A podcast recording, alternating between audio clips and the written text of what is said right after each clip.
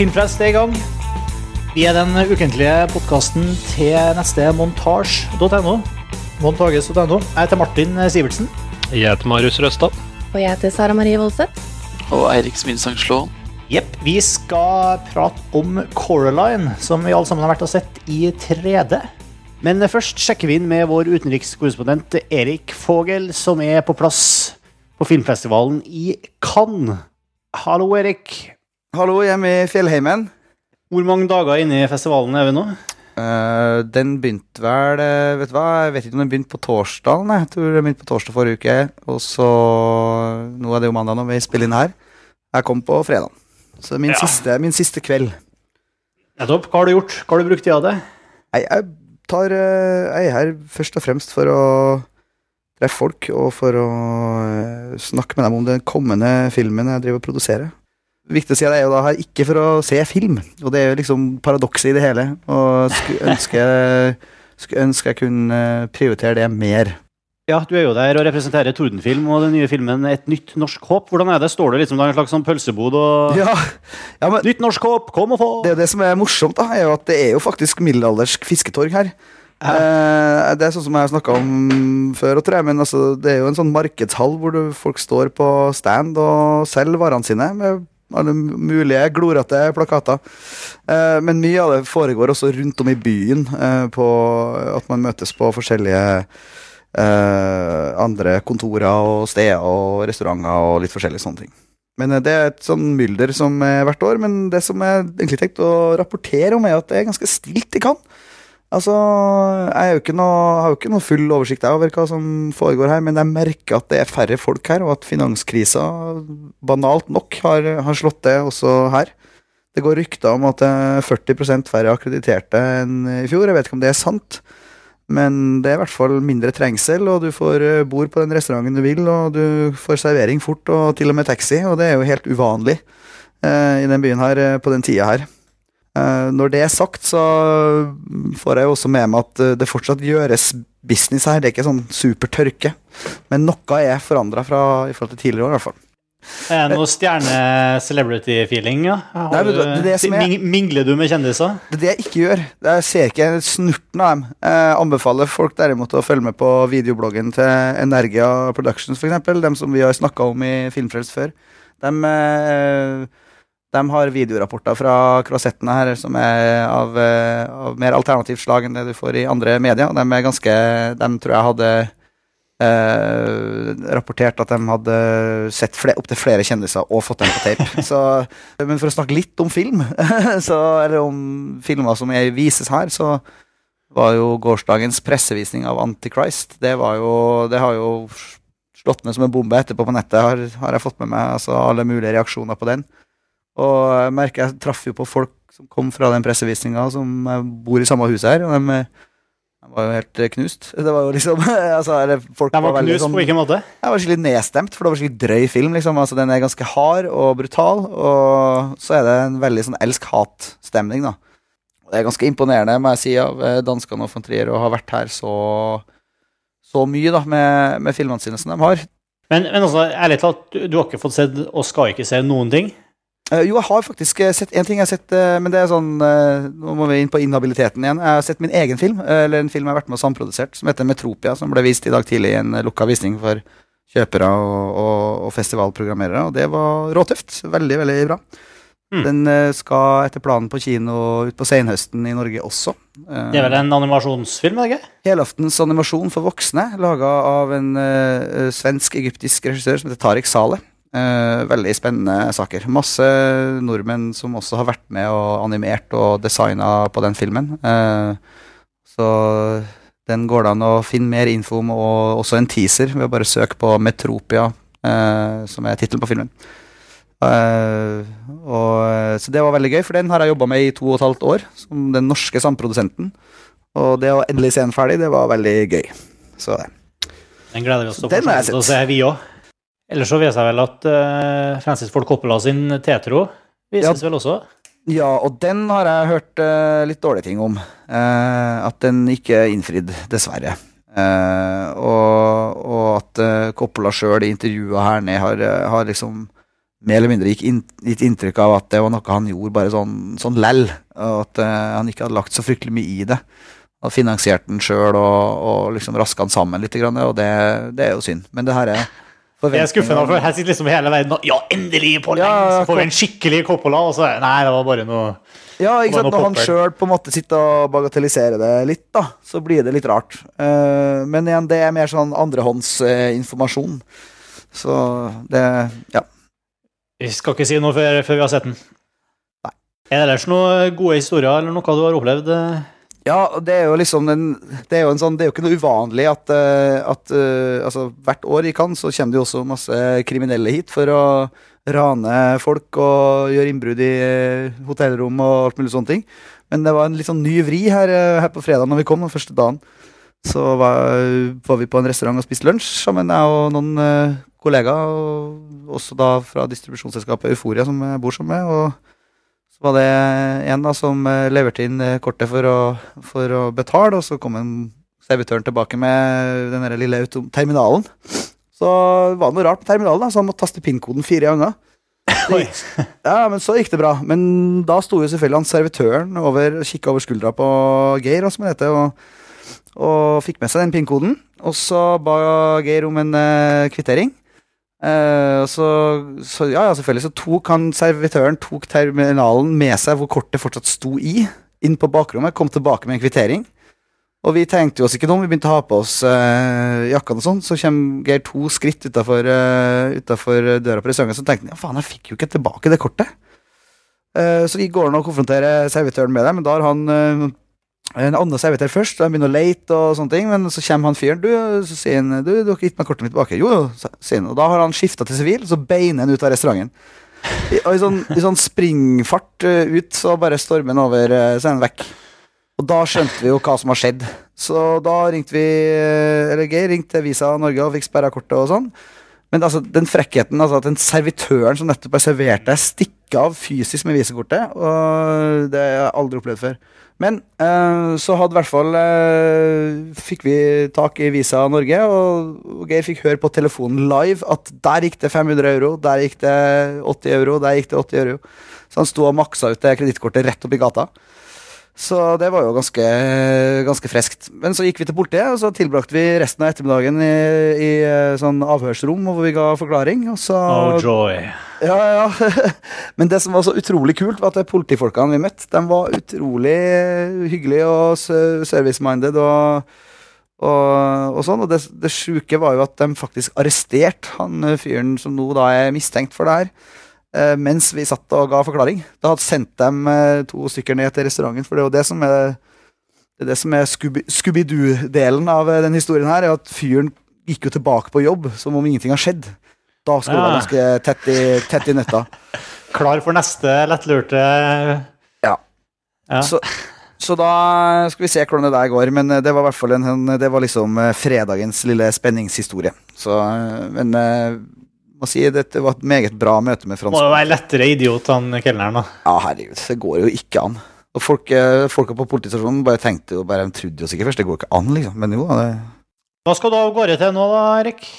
Nå som du, du, er jo bare på en pusterom her mellom arrangementer. Ja, du tok deg tida til ringe inn. Ja. Bare hjemom for å skifte litt, og så skal jeg ut øh, og spise middag sammen med noen gode kollegaer. Og så skal jeg på det som er den årlige festen som uh, filmfestivalen i Gøteborg og filmfestivalen i Haugesund arrangerer hver, uh, liksom, den mandagen her hvert år i Cannes. Det blir egentlig det. Jo, altså skal jeg på én ting til, som er et møte for, for noen europeiske produsenter i en sånn gruppe som kaller seg for ACE.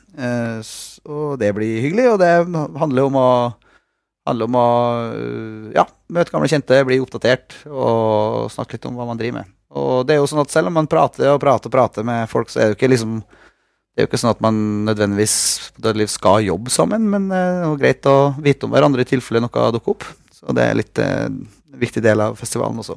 Vi setter i hvert fall pris på tida vi har fått her i Filmfrelst med deg, Erik, eh, og vi gleder oss til å ha deg tilbake. Ha det godt, da. Takk for nå. Hei, hei. Og fra Erik Vågel der, altså i Cannes på filmfestival, så setter vi over til vår omtale av Coraline. Coraline Jones always dreamed of finding a better world.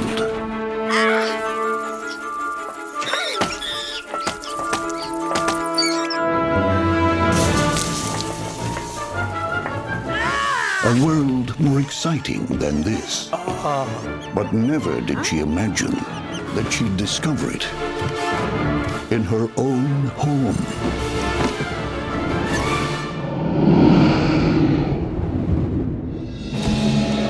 A parallel place We've been waiting for you, Coraline.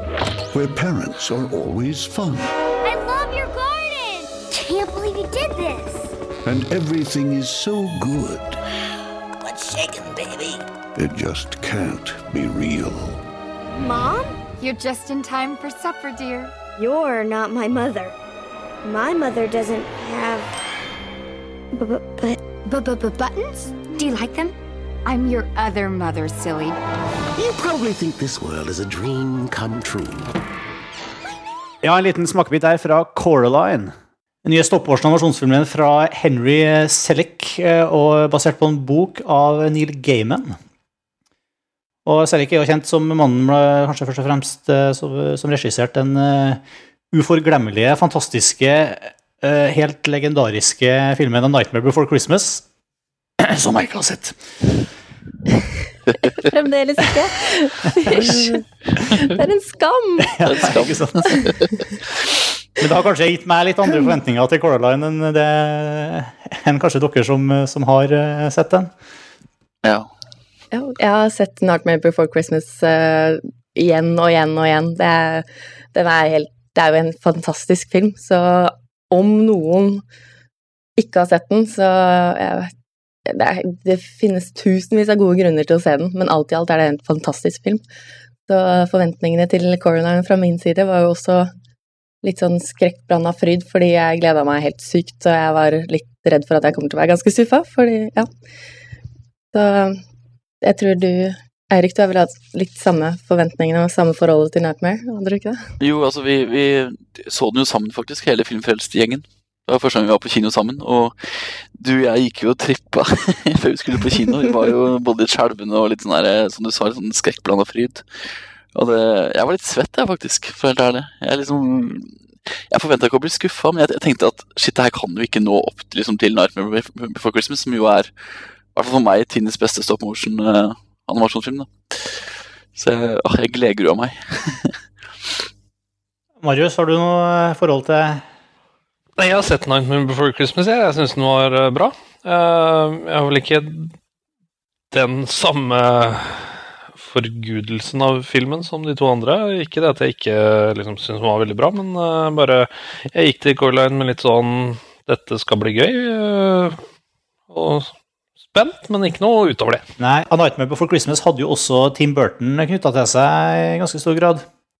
Ja, det, ja, det har jo hatt sin påvirkning, på en måte. For han jo, altså, Tim Burton er jo kanskje ingen mestrig historieforteller. Han er jo ikke det. altså Det er jo ofte manusene det skorter på i hans filmer. Men han har en absurd visuelt heft i sine filmer, og det Jeg vil jo faktisk påstå at 'Nightmare' er kanskje den filmen hvor eh, Tim Burton sin visualitet kommer mest til syne, da. Og Men, da, men da kom... i forhold til det, er det Tim Burton eller Selleck som liksom står for det visuelle i Nightmare? Eh, Jeg bare Når jeg så Coraline, så tenkte jeg at dette er liksom den eksakt samme filmen. Eller det samme visuelle inntrykket, da. Eller uttrykket. Jeg fikk det inntrykket. Du fikk det inntrykket av uttrykket. ja. Eh, jeg vil heller si at det er andre Tim Burton-filmer som ligner mer på Nightmare Before Christmas heller enn Coraline. Fordi det, det er litt det med den uh, mørke, dystre tonen som eh, Og det sære Det sære miljøet, eller den sære atmosfæren som han klarer å skape, som er veldig Tim Burton-irsk. Som på en måte ikke helt var der i Jeg er helt enig i at den ikke er mørk, men liksom det, bare det grafiske uttrykket, formene eh, Hele den pakka der syns jeg var veldig Tim Burton, eller veldig Nightmare Before Christmas, da. Altså, Jeg syns jo Coraline var relativt mørk i stilen. da. altså Det Coraline mangler, da, er jo faktisk hvert fall For meg så mangler den brodd. Og det er jo akkurat brodd som Nightmare har. da. Den der, altså Det som skulle være svart i Coraline, ble aldri svart. Det ble veldig sånn grått og litt tamt. Og det, jeg tror kanskje at Selvfølgelig er det veldig mye Henry Selick-visualitet også i, i Nightmare, men Tim Burton tilførte den filmen en nerve da, og en slags eh, en særhet. Sånn som, altså, I Nightmare så er det jo bare outcasts. altså Det er jo kun sånne utafor samfunnet-figurer som går rundt i et sånn halvgotisk landskap. ikke sant? I Coraline så er det ei jente som er ganske ressurssterk, og hun snakker bra for seg, og hun har kontroll på hverdagen sin. ikke sant? Hun har kjipe foreldre, men hun funker jo på en måte. Hun er ingen outcast. Og det gjør at for meg så Jeg har liksom ikke så sympati med Coraline som jeg har med Sally og Jack og hele Nightmare-universet. Og det, altså kombinasjonen av mangelen på det dystre, da, med at karakteren ikke er så veldig ja, l- likandes, da, gjorde at for meg så ble det litt sånn uh, uengasjerende. Men, men var, det, var det det visuelle det gikk på, eller var det Nei, jo, altså først og fremst visuelle, fordi eh, det kan, kan du, du si mer om Sara, for du kjenner tegneserien bedre enn meg, men jeg, det mangla liksom Det mangla Det mangla nerve, da, for meg. Jeg vet ikke, Sara, hva du tenker? Jeg, jeg, jeg synes jeg hadde forventa at Coraline skulle være, også være litt mørk og dyster, som dere kanskje sier at dere syns Coraline er, men jeg eh, syns ikke den var det. Den var litt for, eh, litt for Jeg vet ikke hva jeg skal kalle det, pen, for den var jo utrolig visuelt fantastisk flott film. Det skal jeg ikke si noe på, men jeg hadde håpa litt mer den Tim Burton-irske som jeg snakka om, mørke natta, og spesielt siden det, i Coraline så handler det om to forskjellige verdener. Den verden som uh, Coraline lever i sammen med foreldrene sine, som er den virkelige verden, og den verden hun kommer inn i, uh, som da på en måte er en eventyrverden som, med, som blir til et mareritt. En drømmeverden som forandrer seg fra en fantastisk flott alt er bra, til en helt forferdelig skummel mareritt. Et skummelt mareritt. Og det skumle marerittet, det ble liksom ikke marerittaktig nok visuelt i forhold til hva jeg hadde forventa. For jeg hadde da forventa den Tim Burton, veldig mørke, veldig Jeg har liksom ikke ordet på det, men det, ja, det er kanskje det du snakka om, Erik, den brodden som um, Og det ligger jo mer mørke i opphavsmaterialet, ikke sant? Altså i, uh, i Neil Gaiman sitt univers, er det ikke det? Jo, og så ligger det i Neil Gaiman, iallfall i Jeg har ikke lest så mye av han, men jeg har iallfall lest noe, og der har han en slags Eller en humor. En type svart humor som eh, ikke Som jeg hadde forventninger om at jeg skulle få se mer om, eller se mer av. Um, så Nå høres jeg veldig negativ ut, det er ikke meningen det, men jeg må si helt ærlig at jeg var litt skuffa over filmen. Sikkert pga. forventningene, som var så høye. Jeg kan jo si at som, uh, I og med at jeg ikke har sett 'Nightmare Before Christmas', uh, det, så er det åpenbart at det har prega måten dere ser filmen her. For, uh, for meg så framstår Coraline i høyeste grad som en film med, med, skikkelig identitet, på en måte. Og særlig altså Jeg satt ikke og savna den, og jeg følte ikke at den var for lite annerledes visuelt, eller for lite for meg så var det her en, en spennende og, og, og, fantastisk verden. Liksom. Det, var, det var absolutt både mørkt og, og kontrastfylt. Og jeg syns i ganske høy grad det hadde brodd også. Og det, det var tydelig at, Men jeg har jo ikke de forvente, Jeg hadde ikke forventa meg noe annet enn det jeg fikk. da, på en måte. Jeg visste jo egentlig ikke hva jeg skulle forvente meg, bortsett fra det jeg har sett i, i, i traileren. Mm. Ja, jeg tenkte jeg skulle si i forhold til Neil Gaiman og Mirror Mask, men uh, den er det litt for lenge siden jeg, Selv om den kom ut i 2005, så er det litt for lenge siden jeg så den. Ja, nei, altså, det er jo på en måte, jeg har sett Mirror Mask, jeg òg. Um, ja. det, er jo, det er jo en litt annen type. Litt, det er en annen type, men den har, den har litt mer den um, uh, sorte uh, type Litt sorte humoren, da, som Coraline ikke har. Men, men også for å hoppe rett til, til, til, sånn, til kjøttet her, for, for, min del, altså det som Coraline ga meg, var jo, det er jo nesten bare eh, brodd og, og visuelt eh, uttrykk her. For jeg, altså det, historien er jo på en måte en, en klassisk eh, historie gjenfortalt. Det er liksom jenter som, som Eller barnet da, som søker til Som finner fantasiverdenen som har fortapt seg. Det er jo liksom Alice i Eventyrland. Det er Alice in Wonderland. Det er jo, altså Neil Gaiman gjorde jo mye av det samme i, i Stardust uh, nylig. Som han mm. var med lag som handlet også mye av det samme. og Den minte meg også til en viss grad om eh, Den filmen minte meg faktisk litt, selv om den eh, ikke er like dyster som den, den minte meg om Pans labyrint, faktisk. Ja. Mm. Den har jo et element da som ikke er i Coraline, mener jeg, i Pans labyrint. Fordi jeg syns nesten at Pans labyrint er egentlig den beste, beste sammenligningen faktisk med Coraline. Fordi de er ganske like på mange måter.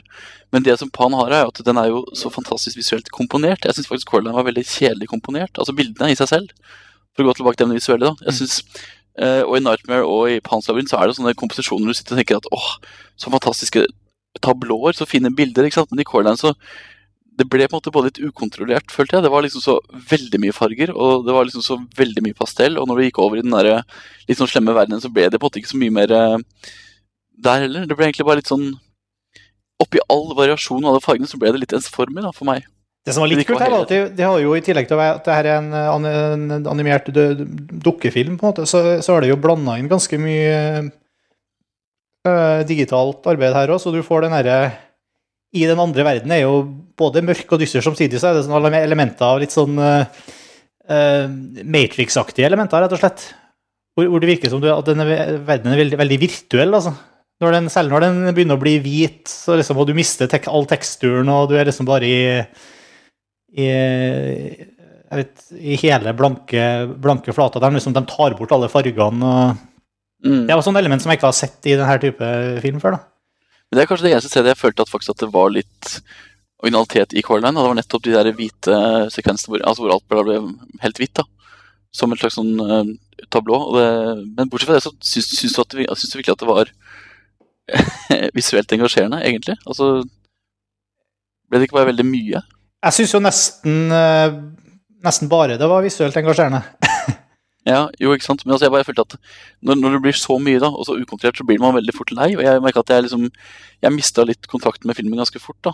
Selv om det var 3D, og jeg var veldig inne i 3D-opplevelsen, vi kan, vi kan snakke om senere. Men jeg måtte, forskjellen på Nightmare og Pan for eksempel, da, til den her er jo at de er jo også rendyrka. De, er liksom, de har visse farger, og de er kontrollert da, i fargeskalaen. Det er jo selvfølgelig også Coraline, men det var liksom for mange farger blanda inn i uh, skalaen. Så det, jeg ble så sliten av det. Fikk litt vondt i hodet, faktisk. Men jeg lurer på om det var eh, på grunn av, litt pga. 3D-effekten også, for jeg satt også igjen i løpet av, eller etter filmen og hadde veldig vondt i hodet. Så jeg vet ikke om det er det brillene, er det 3D-en, er det Jeg, kan, jeg har sett altfor få 3D-filmer til å kunne si at eh, ja, det, nå er det en 3D-film, nå får jeg vondt i hodet. Liksom, Fikk du lyst til å se flere 3D-filmer, da? Ja, egentlig. Fordi det Coraline gjør med Ja, nå går vi over på 3D, da, men det Coraline gjør med 3D-en, er at den bruker det til sin fulle i da å komposere og få dybde i bildet. Det er ikke nødvendigvis bare for den effekten sin del at det er noe som kommer og tar deg. Det er det at du ser at rommet er Det forsvinner bakover. Selv om handlingen er eh, kanskje litt nære kamera, så har du et helt rom som du observerer og du ser. Mm. Så den måten å bruke 3D på syns jeg var, var veldig bra, og ikke sånn som da Monsters vs. Aliens som prøver å bruke den 3D-en som sånn skremselsgreie at nå kommer det noe mot deg, og nå, da skal du skvette. Så Jeg, synes, jeg husker vi, vi prata om det da vi gikk ut av kinoen her, at eh, Eller i hvert fall det var jeg og du, Marius, som snakka om det, at eh, etter en stund, etter det første noveltyen ved at det var 3D ga seg, liksom, etter de første 20-30 minuttene, så glemte jeg i hvert fall glemt på en måte at jeg satt og så på en 3D-film. Fordi det, er også, det har kanskje mye gjøre med at Coraline er såpass, såpass subtil i bruken sin. Det er mange av scenene som er ganske flate, rett og slett. Og, og, det, og da blir jo selvfølgelig da effekten av når de virkelig kjører eh, 3D-effekten til maks i noen scener, så legger du virkelig merke til det igjen, fordi du har måte, De tar deg inn og ut av 3D-verdenen for deg. Og da, det var veldig, veldig effektivt, egentlig. Nå tror jeg egentlig at det her er godt en film som hadde vært eh, som kanskje som er veldig underholdende uten 3D òg, vil jeg anta. Ja, han trenger vel ikke 3D, ja. ja, de bruker dem på en, si, en litt sånn subtil, men effektiv måte, da. Så jo, jeg vil gjerne se 3D-filmer igjen um, som bruker det uten å nødvendigvis kun gjøre det fordi det er 3D-effekten. For det er jo veldig kjedelig. Det er jo, det er jo gørr kjedelig å sitte og se på ting som blir slengt i trynet på seg. og Det er jo ikke noe morsomt i det hele tatt.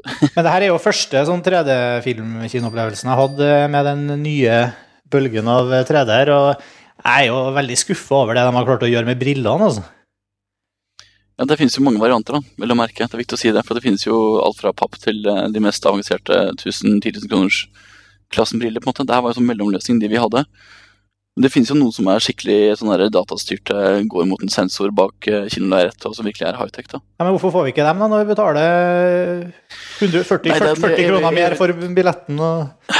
Nei, altså Det er jo et poeng. Det første sier at Nå kosta det 120 kroner å gå og se Coreline i 3D på Ringen 6 i Oslo. Ringen 6 er jo en sal med 70 seter, og i, da, i en vanlig kinosammenheng så er jo det på en måte en nedprioritert sal, liksom, for du legger filmer som har gått et par uker. Men Ringen som kino, da, for de som ikke kjenner Ringen, så er jo det Alle salene er jo, har jo like bra utstyr, og alle er jo fantastiske. Alle har bra seter. Men allikevel så koster det 120 kroner å gå og se Coraline i 3D i Ringen 6, og det det viser jo et problem, da, det er at de har ennå ikke løst problemet med hvem som skal betale for de ekstrautgiftene som er med 3D. Altså hvem skal betale for brillene, og hvem skal betale for det ekstra eh, arbeidet med alt det. Jo, men jeg syns det er så rart. Det virker som det er en designbrist, rett og slett. Fordi de brillene vi hadde, hadde, fikk utlevert her, har jo ikke noe elektronikk i seg, så vidt jeg kunne se. Nei, nei, men altså, det er jo veldig mange forskjellige varianter av de, som sagt, og de prøver ut forskjellig hele tiden. Men de, er, hva det, altså de, for de polariserte glassene som er i venstre og høyre øye her, de, de er jo jeg, regner med at det er noe det er poenget, Hele poenget her er at du, du, filmene er presentert De er tatt opp med og produsert med stereoskopi, som dette, sånn at de viser deg to bilder samtidig oppå hverandre med litt forskjellig vinkel som skal passe til venstre og høyre øye, og så skal brillene da sørge for at du faktisk får skilt ut det her med forskjellige glass på venstre og høyre øye, som gjør at høyreøyet ditt bare ser det bildet du, som er ment du skal se med høyre øye, og, og respektivt på venstre. da. Jeg er litt usikker for det første, eh, hva, hva som er det elektroniske elementet som kommer opp her når du får deg et par elektroniske briller. Jeg vet ikke hva som egentlig skjer. Nei, og så, vet jeg, og så skjønner jeg ikke hvorfor de glassene må være så utrolig små, for her gjorde jo selve brilleomfatninga gjorde jo ganske mye ut av seg her. Altså, du så Brillene er lagd på sånn måte at du ser bestandig rammene på brillene, og de sitter langt ut, og du, de er flate og gjenstander for mye gjenskinn bakfra og fra sidene. og... Det tenkte jeg aldri på. Nei, ok. Ingen, ingen av de elementene. Jeg må si at eh, jeg hadde en sånn delt opplevelse med hele den 3D-greia. For at jeg syns, eh, som du sa, som vi snakket om, at eh, det var ganske subtilt. Og etter de 20-30 første minuttene så glemte jeg hele greia. Bortsett fra når det var mer enn liksom uh, uh, Still stop motion, da. Eh, Når det var litt bevegelse, så syns jeg hele 3D-effekten falt gjennom. Jeg syns det ble grøtete og vanskelig å følge med på det som skjedde. Um, og sånn sett, på filmer som er litt raskere enn det Coraline er Hvis det der er teknologien, så vil jeg si det er ubrukelig. Um, I tillegg så endte jeg opp uh, på slutten med å sitte og gni meg i øya. Um, og hva grunnen til det er, om det var brillene som var dårlige, eller noe sånt, det vet jeg ikke. Men jeg kan ikke si at jeg kjente noe gjenskinn, eller at jeg hadde noe problem med rammene. Det, Og det var ikke en veldig trist film. Nei, det var ikke derfor jeg gnei meg i øynene. Det er helt riktig. Men jeg satt eh, rett ved trappa, og der er det jo lyst opp eh, alle vei til nødutgang, og det er jo fint og flott, det, men jeg måtte jo sitte med hånda oppe mye av filmen for å ikke få det gjenskinnet fra sida. Så jeg anbefaler til alle som ikke har sett filmen ennå, som har eh, lyst til å se den, prøv å skaffe et sete som er liksom midt inne i salen, sånn at man ikke får, bild, får lys fra noen av sidene. For jeg syns det var et problem. Hvor- Hvorfor er ikke det bildene mer sånn Oakley-aktig designa, liksom, hvor du har mer glass og Jo, det morsomme er at De har jo, de jo snakka masse om at det, kan jo bli en egen industri vet du, med de brillene. At type Oakley og Ray-Ban kan lage egne 3D-sett som du selger til folk. og så har man med seg sine egne personlige briller på kino. Det kan hende at det kommer til å skje, men det jeg ikke skjønner er at kan vi ikke bare ha en skjerm liksom, som er todelt foran øynene? Bare en stor, flat skjerm uten de der eh, rammene rundt. Ja. Fordi Målet er jo egentlig bare å få opplevelsen. De kan jo se så stygge ut som bare det, de brillene. De gjør ingenting. Ja, ja. Altså, altså, jeg kjøper heller ikke argumentet om at altså, Jeg syns det var dritkult da, å se filmen her i 3D. Og det, som du sier, ja, det, det var trøbbel når det, gikk, når det var store scener med masse bevegelse. Det kan også være sammenheng med at det er animasjonsfilmformatet som har problemer med sånne scener. Som animasjonsfilm er jo i utgangspunktet litt hakkete. Jo, men jeg, jeg, jeg var jo så Beowulf i 3D, for eksempel, og Ja. da var det mye mye verre enn det her. altså. Ja. Men, Virkelig, det var ille. men jeg syns bare så rart at eh, det virker som feil vei å gå for å berike Altså, det, det er riktig bra at de beriker kinoopplevelsen, sånn, men også å sette opp prisen, f.eks. Det er ikke det som får eh, folk til å gå på kino. Eh, og jeg ser ikke noen grunn til at man ikke skal kunne sitte med denne teknologien i stua om et par år. Som du sier, å kjøpe seg egne briller og få film eh, levert hjemme over bredbåndslinja. Det er jo ingen grunn til at filmen du ser på TV-skjermen eller dataskjermen din, ikke skal kunne være stereoskopisk, og du kan kun vil jeg anta, i hvert fall. Det er så vanskelig å se for meg at det her ikke skal kunne være gangbar hjemmeteknologi. Tenk å ha sånne briller, da, som du kan bare sette deg ned et eller annet sted i sofaen og kun ha briller og få filmen der. Liksom. Bare ja. rett foran øya dine. Det blir ganske ja. asosialt. Ja, altså, jeg kjøper liksom ikke at det her skal være kinoens redning i kampen mot uh, hjemmekinoen. Altså uh, Nei, men det er jo, ikke, jo, det er, altså, det er jo kinos uh, i forhold til piratkopiering er det jo snakk om, ikke i forhold til hjemmemarkedet. Det er jo piratkopiering som man kan unngå med det her. På hvilken måte unngår man piratkopiering hvis Nei, er... alle kan kjøpe sin egen 3D-brille og laste ned en stereoskopisk film? Men det som skal sies da, som er litt viktig, Jeg, jeg har skrevet en kjempeartikkel på montasje om 3D. Hvis, alle, hvis, man søker på 3D på montasje, så er det en skikkelig gjennomgang av, av, hva som har skjedd med 3D de siste ti årene. på en måte. Og det er jo et poeng at tilbake til det med at det koster 120 kroner å komme inn på kino, det er jo selvfølgelig en idiotløsning sånn utenfra. at Man kan tenke at shit, skal jeg betale mer for å gjøre noe som skal redde kino? Det virker jo helt borti natta. Men faktum er at i USA spesielt nå så tjener jo Hollywood sånn 20-30% mer på 3D-filmene enn de gjør på de andre, fordi det er en høyere billetter. Ikke sant? Høyere, høyere pris. Ja, ikke sant? Og, det, og, folk er faktisk, faktisk, villige til å gå og se de, eh, de, filmene. Og jeg så en oversikt som jeg skrev om på montasje, så, så står det noe om at uh, en klassisk blockbuster da, i Hollywood-forstand kan tjene inn opp mot 80 millioner dollar ekstra på 3D-visningene. 80 millioner kroner. Uh, jeg, jeg, jeg skjønner at det må være forbigående greie i at, at, det kanskje er tilfellet nå det første året eller to med, med, med 3D-film, men at uh, teknologien vil migrere til, til, til hjemmekinoen. Ja, men Det er jo problemet, ikke sant? det som det har vært før. Altså, 3D har jo på en måte vært forsvunnet. ikke sant? Det har vært en sånn 3D har maks vart i fire-fem år opp gjennom de gullalderne som har vært med 3D, og så har det blitt borte. ikke sant?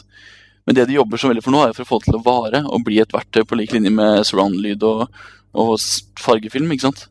Og For å få til det, så må de jo forstå at det første kan de ikke sette opp prisene. Det, da må de bare, bare tape de 80 millioner dollarene per blockbuster. For at publikum vil ikke om fire år betale liksom 90 kroner, eller 30 kroner ekstra for en, eh, en 3D-film. Det, det, tror ikke jeg heller. Nå kanskje, for nå er det jo nytt, ikke sant? men uh, vi er, blir jo fort lei av 3D. Uh, du, så jeg vet ikke. Ja, men, det, men det, er jo sånn, det, det, er jo et godt eksempel du kommer med. Du kan jo absolutt ikke være sikker på nå at du får bedre lyd på kinoen eller skarpere bilde på kinoen enn du får hjemme hos en som har rigga opp og brukt litt penger på hjemmekinorommet sitt. Nei, ikke sant, men, altså, men altså det som Hollywood har gjort, da, Hollywood har jo, og etter hvert også Europa, har jo lært å lage filmer som bruker lyden som effekt. ikke sant? Altså, eh, Transformers 1 og 2, veldig mye av effekten med Transformers er jo nettopp lyden. ikke sant? Eller Terminator Salvation, som vi skal se nå om en, om en, om et par ukers tid. Altså, Lyden har blitt en del av liksom, trekkplaster da, på en film, også på kino. Fordi det er jo de færreste som har de, har de kjempekinoanleggene hjemme. Det er jo veldig få som har et anlegg som kan uh, sammenlignes med å gå på kino, tross alt. Uh, jeg tror når, hvis, altså hvis, Hollywood lærer seg å bruke 3D på samme måten som man bruker uh, surround-lyd, så kan 3D komme til å bli værende. Hvis ikke, så er det en bølge som varer i to-tre år til, og så er det borte igjen. Tror jeg, da. Jeg tror det her er kjempe... Jeg skulle gjerne sett uh, all film i, i, 3D, hvis de klarer å få strømlinjer. Hvis det ikke går veldig utover raten for å klare å produsere film på. Det er jo veldig avhengig av at produksjonen ikke blir veldig fordyrende ja, det koster jo, liksom, det koster jo bortimot en, et sånn 20 ekstra å skyte i 3D. Visstnok. Uh, du, du kunne jo ganske mye om hvordan de hadde skutt Coraline. Du snakka noe om det. Ja, jeg nevnte det i tidligere podkast. Altså, nei, det er bare at de hadde jo brukt de har brukt ganske spesielle kameraer og sånt på, på Coraline fordi eh, motivene er veldig små. da. Det er jo eh, sånn små miniatyrer de tar bilder av. ikke sant? Det dukker på, på bare noen titalls centimeter høye dukker. og normalt, det man gjør Eller det er vanskelig å snakke om normalt der, for det er jo en teknisk undersøkelse, men det man har gjort med, med sånn som Pixar og sånn, de gjør bare heldigitalt. De trenger jo ikke, de tar, bruker jo ikke kameraer når de tar opp, men sånn som eh, James Cameron har jo bygd sånne rigs for å ta opp Avatar, som er en live action 3D-film, mm. hvor, hvor, det er to kameralinser rett ved siden av hverandre som, skal, som gir deg den stereoskopiske effekten. mens på Coraline så har de tatt opp alt bare med ett kamera. Fordi var, de har ikke nok eh, plass i bredden. Selv om de setter de to linsene så nære hverandre som de kan, så blir de fortsatt for langt fra hverandre, gitt at uh, motivet er så lite. Så De må liksom enda nærmere hverandre enn du klarer å sette enn du har enn hvis to linser står rett inntil hverandre og berører hverandre. Så de, de, liksom, de tar opp hvert og hvert bilde bare ved å uh, ved å knipse bildet, og så flytte kameraet ørlite grann til høyre, og så klipse nytt bilde. Da er én frame gjort. Så de har liksom sikra seg dobbelt så mye arbeid der, da. Og det er jo imponerende tatt i betraktning at det her er en stop motion animasjonsfilm hvor de faktisk, i motsetning til de fleste andre stop motion-produksjoner som tar opp 15 bilder i sekundet, så har de her tatt opp eh, faktisk 24 bilder i sekundet. Ja, ikke sant? Så de har liksom, det er en skikkelig sånn eh, arbeidsfilm der. De har virkelig knipsa mye. Men vi kan jo snakke litt om det tekniske ved Quarland, for det er jo helt eh, i særklasse. Altså de tekniske elementene i filmen. Det er jo et- Altså, de, de bygde over 150 sett til Coraline i sin tid. Når de begynte å skyte det her for uh, noen år siden. Det ser det ikke ut som når du ser filmen, for det, det alt er jo det, at det er 150 sett. Jo, men det er så mange rom. vet du. Tenk på alle rommene i huset, for eksempel, da. Ja, jo, det er rett. Som hun er i. Og, og, og nede i kjelleren hos de der uh, hva heter det, tantene som er i kjelleren der, så er det jo i hvert fall en sju-åtte sett bare der, ikke sant? Syns det er så utrolig kul effekt når uh, i det sirkusteltet uh, til han karen som bor på toppen men det er en fantastisk sekvens. Hver gang de kryper inn i det teltet. Så Det er er det, virkelig Det er kjempebra. Men altså 150 sett, og de, de, de leide altså De hadde et eller annet sånn, sånn fabrikklokale som var uh, jeg vet ikke, Det var over en kilometer langt. Jeg har hørt noen helt sånn syke tall. Hvor de bygde opp da disse 150 settene. ikke sant? Og det var filma. Og altså stop motion er jo en absurd ting å gå inn i. Eh, Budsjettet her var vel på 60 millioner dollar, tror jeg, på filmen. Jeg mener, det er jo tidkrevende, og du ser jo ikke resultatet før du har holdt på i flere uker. ikke sant? Og det er jo Du skal være ganske tålmodig og ha ganske tro på filmen din for å kunne gå i gang med en stop motion eh, helaftensfilm. Veit dere hvor lang tid de brukte på hele fra opptaksstart til eh, slutt? Nei, men holdt ikke på med Nightmare i fire år, stemmer det? Eh, jo, noe sånt noe. Det er sykt mye, iallfall. Ja, For det er vel ikke noe mindre enn det, sikkert. Kanskje mer i og med at du skjøt med to kamera. Eller ett kamera to ganger. ja, det var også noe samme med Chicken Run, husker jeg. Også noe sånn produksjonstid på fire år, så vidt jeg husker. Eller kanskje det var mer òg. Ja. Det er jo helt sykt. Det er jo nesten så man skal spørre seg om det er verdt det. Når du, men som, når du ser eh, Altså, du får jo et sluttprodukter som ser betydelig forskjellig ut fra, fra det du får fra, fra Pixar og Disney sine dataanimerte filmer, men eh, men det er Satt og følte at det her var dataanimert, ja, ikke sant? Jeg er ikke sikker på om det, om det slår gjennom så eh, til hver publikumsgjenger nøyaktig eh, hvor vanskelig det her er å lage. altså. Men det sier jo mer om hvor langt Pixar har kommet enn hvor eh, kort stop har kommet. da, fordi det er Pixar som har kommet nærme Ja. alt mulig annet. ikke sant? De, de animerer jo så altså, Det kan jo ikke sammenlignes med noe annet, omtrent. Men hva er, vits, hva er vitsen med stop motion? Nei, altså det som er et annet poeng da, For å snakke, sammenligne litt med stop motion-filmer, uh, 'Nightmare for Christmas', der er det jo faktisk lagt inn en slags kantethet i karakterene. ikke sant? Også, mm. også veldig Tim Burton, selvfølgelig. Uh, mens i Coreland så er det veldig sånn smooth. Alle bevegelsene er veldig sånn litt sånn glatt. da. Og det som er kult med 'Nightmare', er at 'Nightmare' fremstår som en stop motion-film. I det hele og fulle. Det kan vel ha sammenheng med det jeg nettopp sa, at de kanskje har tatt opp rett og slett færre frames i sekundet på, på Nightmare. Ja, men det gjør at den, altså, så, så, du mister på en måte litt den følelsen av faktisk være en så skikkelig teknisk tidkrevende håndverksjobb. da. Det blir på en måte bare en animasjonsfilm. Og Nightmare er jo fett, altså Nightmare er jo sjokkerende fordi du ser jo altså Du kan tenke deg hendene som går inn og flytter på figurene da, i Nightmare. Ikke sant? Du ser, liksom, du ser hånden, hånden som går inn og forandrer på Jack Skellington sine kjempelange bein Og han beveger seg oppover i de der merkelige månelandskapene. Og det, det er noe helt annet, da. Og så særlig når de i Coraline faktisk bruker såpass mye digitale effekter på toppen. Ja, ja. Eh, Og mye av ansiktsanimasjoner sånn er jo er også satt på, på, på digitalt, selv om det er eh, dukker som er, som er basis kildemateriale. Mm.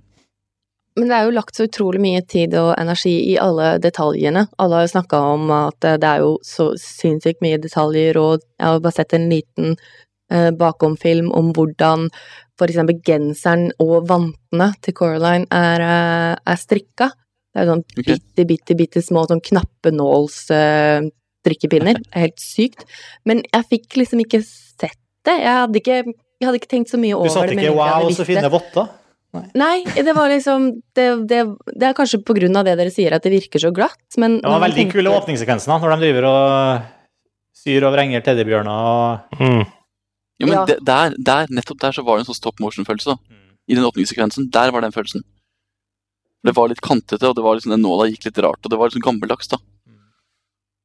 Så jeg har veldig ble- Jeg har veldig lyst til å se den filmen igjen og liksom sitte helt klistra opp i skjermen for å få sett alle detaljene også, fordi jeg følte ikke at jeg fikk med meg dem i en kinosal, da. Og det er litt sånn rart, for jeg skulle jo tro at det her var en veldig sånn kinosalfilm, men jeg har lyst til å Mm. se den, se den mye nærmere, og Men akkurat det er også Ja. litt så pussig, ikke sant, med den 3D-greia her. Nå er vi jo i den første bølgen, den første av de nye bølgene med 3D-filmer. Eh, Det er vel, altså, det blir veldig, jeg tror det vil være et veldig ønske etter hvert, både fra de som lager filmene og, og oss som publikum, at når de filmene havner av kino, det kan ikke være siste gangen vi skal få se de filmene i 3D der, liksom. De, de, de må få ha sin rønn på, på, på det som i dag er DVD, Blu-ray, som forhåpentligvis er et eller annet form for digitalt nedlastbart uh, standard om et par år, i, i 3D òg. Hvis ikke så tror jeg ikke insentivet vil være der for å produsere 3D-film. Hvis det kun er for kinomarkedet. Nei. De, må- må ha eh, lengre liv liksom, som, som 3D-produksjoner. Dette er jo også et eh, spørsmål om teknologien i hjemmet òg, da. Eh, fordi at etter hvert som det blir 3D-skjermer, eller du har muligheten til å kjøpe 3D-skjermer, og over et, et visst, en viss tidsperiode, så vil jo det være noe som faktisk kommer inn i stuene til folk. Selvsagt 10-15 år. Eh, 3D-skjermer eller 3D-briller, eller hva det blir. Ja. Ja, nei, men 3D-skjermene er jo Det lages jo såkalte Hva er det det heter? Autostereoskopiske Jo, det har jeg sett. skjermer. Og, og de, de slipper du jo også å sitte med briller. Ja, men der må du sitte eh, på nøyaktig De må alle sammen sitte i samme lenestol midt i rommet. Nei, nei. 46 forskjellige innfallsvinkler å se på. Men uh, poenget er at det er jo det er jo helt i begynnelsen av den teknologien, så det kommer jo sikkert til å ta litt tid, da. Men etter hvert så vil det jo være da muligheter for folk uten bare disse pappbrillene. Ja, ja. Jeg tror ikke papir er noe hindring heller er hjemme. Uh, I hvert fall ikke sånn som jeg. Jeg ser jo ofte film alene. Da sitter jeg gjerne med et par briller hvis jeg kan få en kul 3D-film. Jeg vet ikke helt, jeg. Jeg tror kanskje ikke det. For min del, altså. Nei. I hvert fall ikke hvis jeg sitter og ser film sammen med andre folk, så ville jeg ikke hatt meg sånn 3D-briller og Det, det, det var jo det vi gjorde på kinoen. da. Vi satt jo på samme rad og hadde på oss hver vår brille. Jo, men da, ja, da er det mørkt, liksom. Og det er på en måte, men sånn hvis du sitter og ser på liksom, kino, en film da, i stua, og lyset er på, sånn, så Melodi Grand Prix-finale med 3D. ja, det blir jo altfor nærme. Det blir enda verre. Enda mer Man må jo skru av eh, lyset og alle mulige distraksjoner når man ser på film, uansett hva. Du, min største distraksjon, faktisk, eh, med, som har med 3D-effekten å gjøre, på Coraline, på kinoen eh, på Ringen, det var eh, teksten. Teksten Ja. ligger jo og svever helt eh, fram, så langt fram og nære i bildet som overhodet mulig, virka det som. Så det var liksom maks 3D-effekt på teksten hele tida, så jeg følte at jeg måtte i mye større grad enn du må på flat film. Da. Hvis jeg skulle prøve å lese teksten, så måtte jeg da på måte fokusere om hele Jeg måtte fokusere på teksten og dermed på en måte miste fokus på resten av bildet eh, i mye større grad enn jeg må ellers. Nå, eh, så Det endte jo selvfølgelig med at jeg prøvde bare mest mulig å ignorere teksten, da. men eh, jeg følte at den lå der som et, et større plagsomt element enn den jeg føler at den er ellers. da. Mm. Men det er jo for at altså, de, de legger jo teksten fremst. ikke sant? Så når, når, når vi går inn i et rom, f.eks. inn i huset til Coraline, så ligger jo gjerne en kommode i forkant for å skape dybde. ikke sant? Og da ligger jo teksten med kommoden. Men du ser jo ikke på kom- kommoden, du ser på Coraline som går i 3D-effekten. ikke sant? Og da blir jo teksten liggende et nivå foran. Da må du tilpasse synet på nytt. ikke sant? Men det er veldig rart, for de de de har ikke tenkt på det. Sånn som, altså, Nei, det virker de, de legger jo teksten der du ikke ser. Ja, det syns jeg også. Og du blir sliten, sliten av det. Ja, ja. Så oppfordring, ta vekk tekst når det gjelder eh, iallfall engelsktalende eh, 3D-filmer. Ja, det burde kunne gå an. Som Ja. Nå har vi Coraline også ment delvis som en barnefilm. Er den dubba også, eller? Jeg tror ikke den er ute i noen dubba utgaver i Norge. Jeg har ikke sett det heller. Det, nei. Men hva syns vi om filmen, da? Sånn til oppsummeringsmessig. Vi må jo vi må snakke mer om filmen. Ja. Den er jo verdt å snakke om. Ja, vi, vi, vi, vi kan jo begynne der. Er, er det en barnefilm? ja. Ja. Jeg vil si det, for jeg, som sagt så savner jeg, jeg litt mer den eh, mørke, dystre humoren jeg, som jeg tror kanskje kan gå barn hus forbi, men det her var eh, de plottene og de tingene som var liksom ha-ha-morsomt i filmen, de var veldig fokusert på barn, og kanskje derfor jeg var litt skuffa over det òg. Jeg hadde håpa på litt mer både eh, adaptert for både barn og voksne, men jeg syns at både storylinen og de, eh, ja, de morsomme scenene var eh, veldig barnslige, da, jeg kan kalle det det. Vil si det er barnefilm. Hva syns dere? Nei, altså, jeg, jeg, jeg tenker på det samme. Altså, jeg syns jo også at det er en barnefilm. Men det er egentlig Jeg syns det var en barnefilm fordi den ikke appellerte til meg som voksen, da. Rett og slett. Så enkelt som det. Altså, jeg fant veldig få elementer i filmen som knyttet til meg som voksen kinogjenger.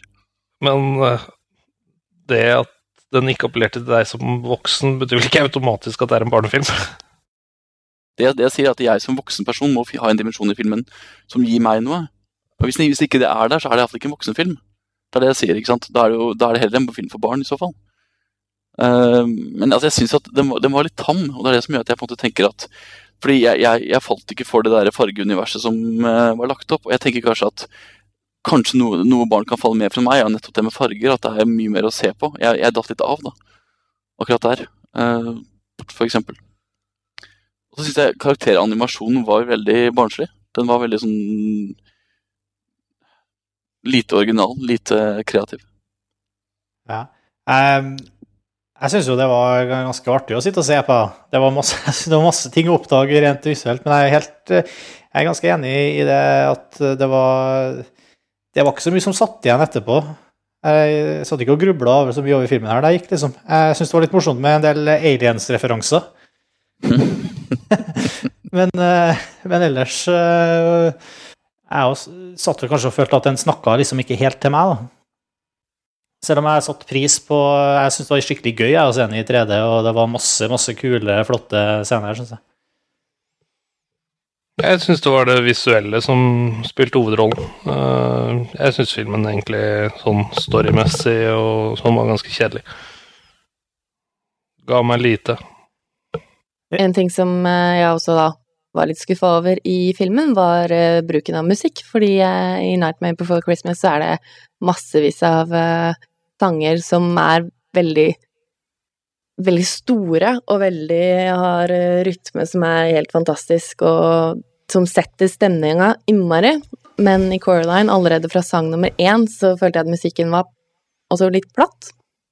Så jeg var litt sånn Jeg hadde håpa på at iallfall de, de scenene hvor musikken er såpass viktig, at de da hadde, hadde brukt musikk som var mer fengende, da. Men jeg tenker kanskje også musikken kan appellere til barn, fordi de er liksom enkle og greie og søte, eller enkle og greie og gåsetegn skumle sanger. Så Det var jo Det var jo noen store musikalske Eller i hvert fall forsøk på store musikalske scener nede i kjelleren med de her to damekarakterene. Det var faktisk French and Saunders. Noen som har sett den gamle britiske humorserien med dem?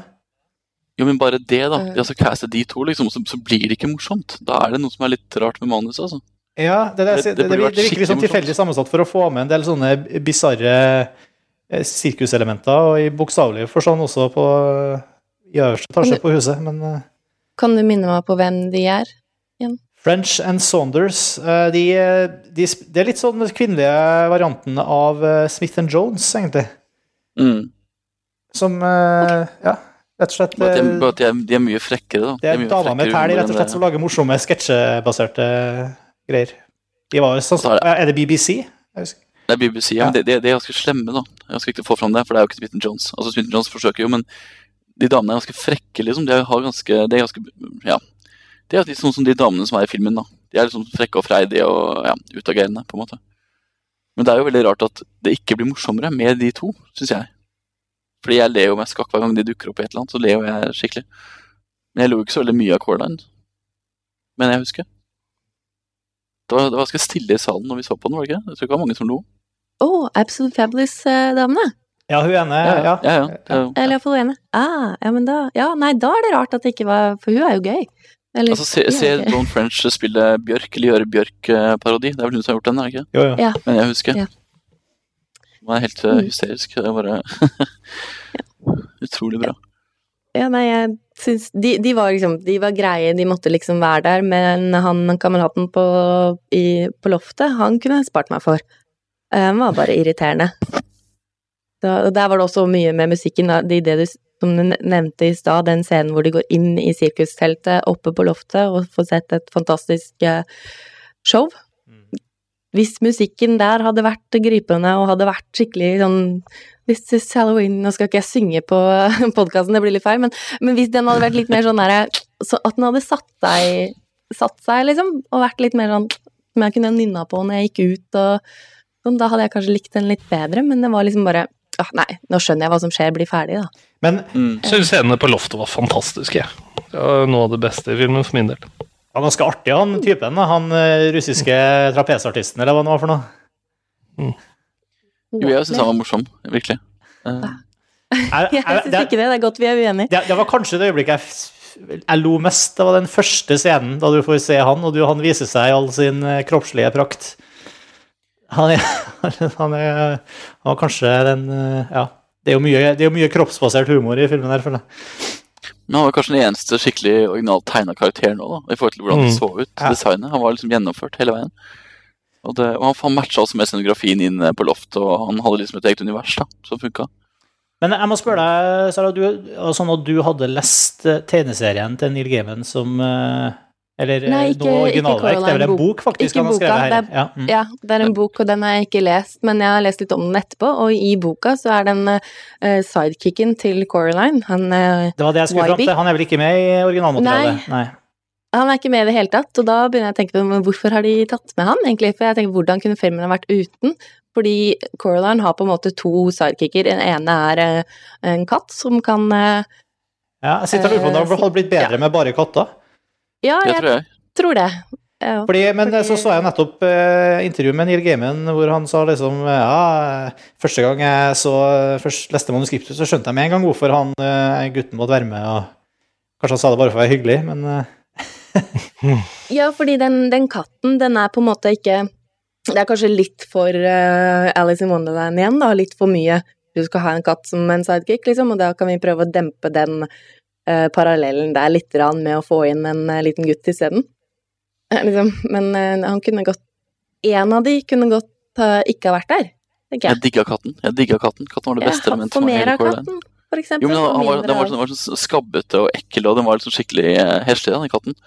Og det, det syns jeg var kjempegøy. Jeg får bare sånne assosiasjoner til Sabina the Teenage. Hysj, da. Det bør du klippe ut, Martin, så kan du fort få lyttere til denne podkasten. Selv om Sara også så på det her i sin tid. Kanskje? Hæ? What? Det var, det, det var, umulig å ikke få med deg seg det når man kanalsurfa innom TV3 på, etter skoletid. Man har sett det, men ja. å se på det, det er to litt forskjellige ting. Har du kommet på DVD-en, Martin? Ja, jeg vet ikke. Jeg, jeg, vet ikke, men du skal få låne alt sammen av meg. Men du, jeg, jeg har et annet, annet, poeng med musikken, for å gå litt tilbake til Nightmare. Det som gjør at musikken i Nightmare er så bra, er at den har så mange nivåer. Altså Du kan høre på de sangene flere ganger, og så oppdager du nye ting i musikken. For de er så fabelaktig arrangert og orkestrert. Og så Tekstene er jo faktisk De har skikkelig dybde, da, teksten i Nightmare. Det har jo ikke Jeg kan ikke forstå at den Coraline-musikken til han Bruno Collet, som han heter, han komponisten Jeg kan ikke forstå at den musikken kommer til å vare noe særlig lenge. Jeg husker ingen av uh, låtene i det hele tatt. Det, det, men det er jo sikkert også fordi jeg har sett Nightmare så mange, mange ganger at jo, jeg da husker den. sitter jo umiddelbart men, når du ser den første gangen.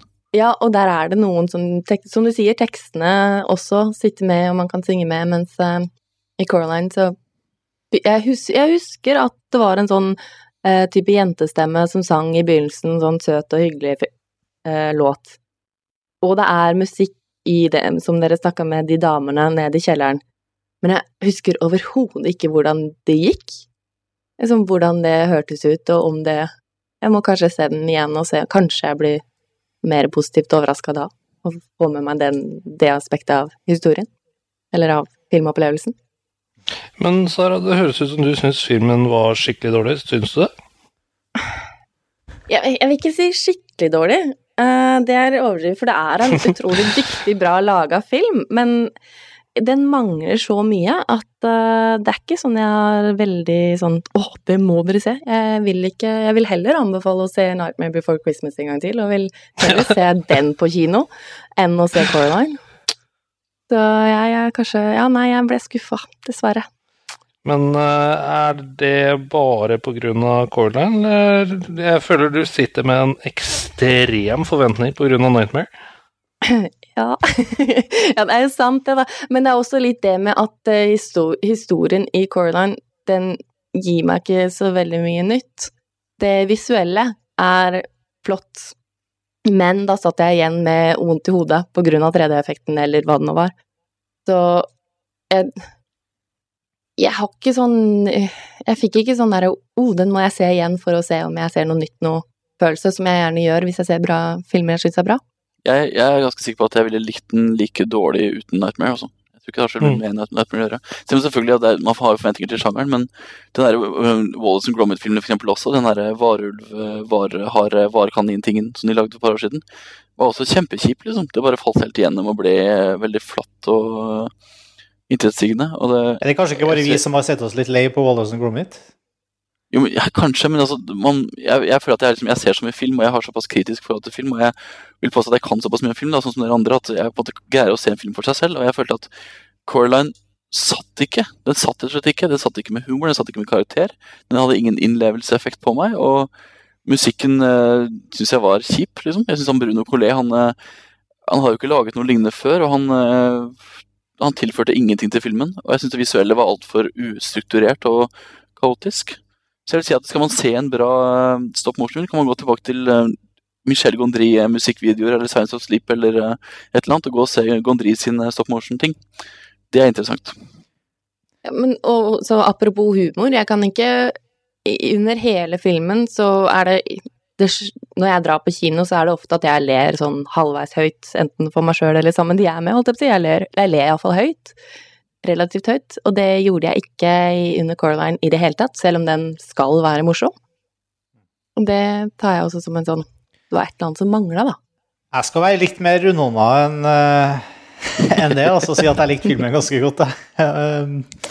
Men uh, men uh, på et veldig sånn eh, Kanskje litt sånn overfladisk kinogjengerplan, så syns jeg den var veldig god. Og den, jeg tror ikke den, eh, Selv en uke etter nå, vi er en, en, uke- en uke etter at vi har vært på kino nå, så, så sitter den ikke fryktelig godt igjen, altså. Det er for så vidt litt den samme feelingen jeg hadde etter at jeg så Corpse Bride. Ja, Som også, som også lik, likte veldig godt uh, der og da, og syntes var veldig, hadde var veldig forførende uh, på meg. Ja, Men jeg er veldig enig, faktisk. Ja, si først du, Sara. Ja, nei, jeg bare tenkte det er en grunn til at jeg ikke har nevnt Course Bride, selv om jeg liksom elsker Tim Burton. Så hadde Course Pride hadde den derre mørke, grå, blå filen som jeg digger, men også med storyen der var ikke Ja, som du sier, den sitter ikke. Nei. Nei. Det er derfor jeg nevner bare Nightmare, fordi den er liksom den beste av den beste av de. Hvis man skal sammenligne med noe som er bra, så hvorfor ikke sammenligne med det beste? Jeg måtte sammenligne med noe jeg hadde sett, da. Jo, men, jo, men altså, Corpse Bride er jo interessant å dra inn, for at den uh, Corpse Bride syns ikke jeg heller funka som historiemessig, men igjen, da, der satt det visuelle så mye bedre enn det Kanskje mer, mer, mer helhetlig der, da. Ja, og igjen dette med Tim Burton, da. Vi snakker om Nightmare hele tiden, ikke sant. Det er jo Mm. Henry Selick og Tim Burton som har korregi på, på Nightmare, men Henry Selick var der i fire år og jobba med de dokkene i fire år. Tim Burton gikk fram og tilbake fra settet, for han gjorde veldig mange andre filmer samtidig. Ikke sant? Jeg, jeg har jo også vært Tim Burton-fan siden jeg var liksom, siden jeg så uh, Edvard Saksehånd og skrev filmskapsoppgaven den for mange mange år siden. Og likevel så ble du ikke klipper, Erik. Klipper. Fotograf skal jeg bli en gang i tiden. Nei, jeg tenkte The Sister Men- Hands og Ja, ikke sant. Men det som er så viktig, at jeg, jeg bare synes at Course Pride hadde skikkelig altså Der var det mye visuelt å kose seg med. da. Man kunne se på kostymene liksom. Jeg kunne se på kostymene i, i en time jeg, i den Mm. filmen. Veldig enig. Marius, hva syns du? Sånn totalt sett. Sånn totalt sett. Hvis du ikke hadde noe mer, mer å tilføye før du ga din endelige det hva jeg syns. eh, Det er eh, egentlig det jeg sa i stad. Eh, Jeg syns filmen var spennende visuelt sett. Den hadde noen morsomme elementer her og der, men all in all kjedelig. Den ga meg lite sånn, og litt sånn som Eirik sa, så lite innlevelse, egentlig. Men da lar vi deg få det siste ordet om Coraline der, Marius. Filmfrelst er tilbake om ca. en uke. Vi snakkes da. Hei. Ha det bra. Ha det bra. Filmfrelst er en ukentlig podkast fra det norske filmnettstedet montasj.no. montages.no. Vi er alltid glad for tilbakemeldinger, enten i kommentarspaltene på montasj.no slash filmfrelst, eller på mail til filmfrelst at montasj.no. Og musikken du hører nå, er fra Ping. Hør mer på thepingpage.com.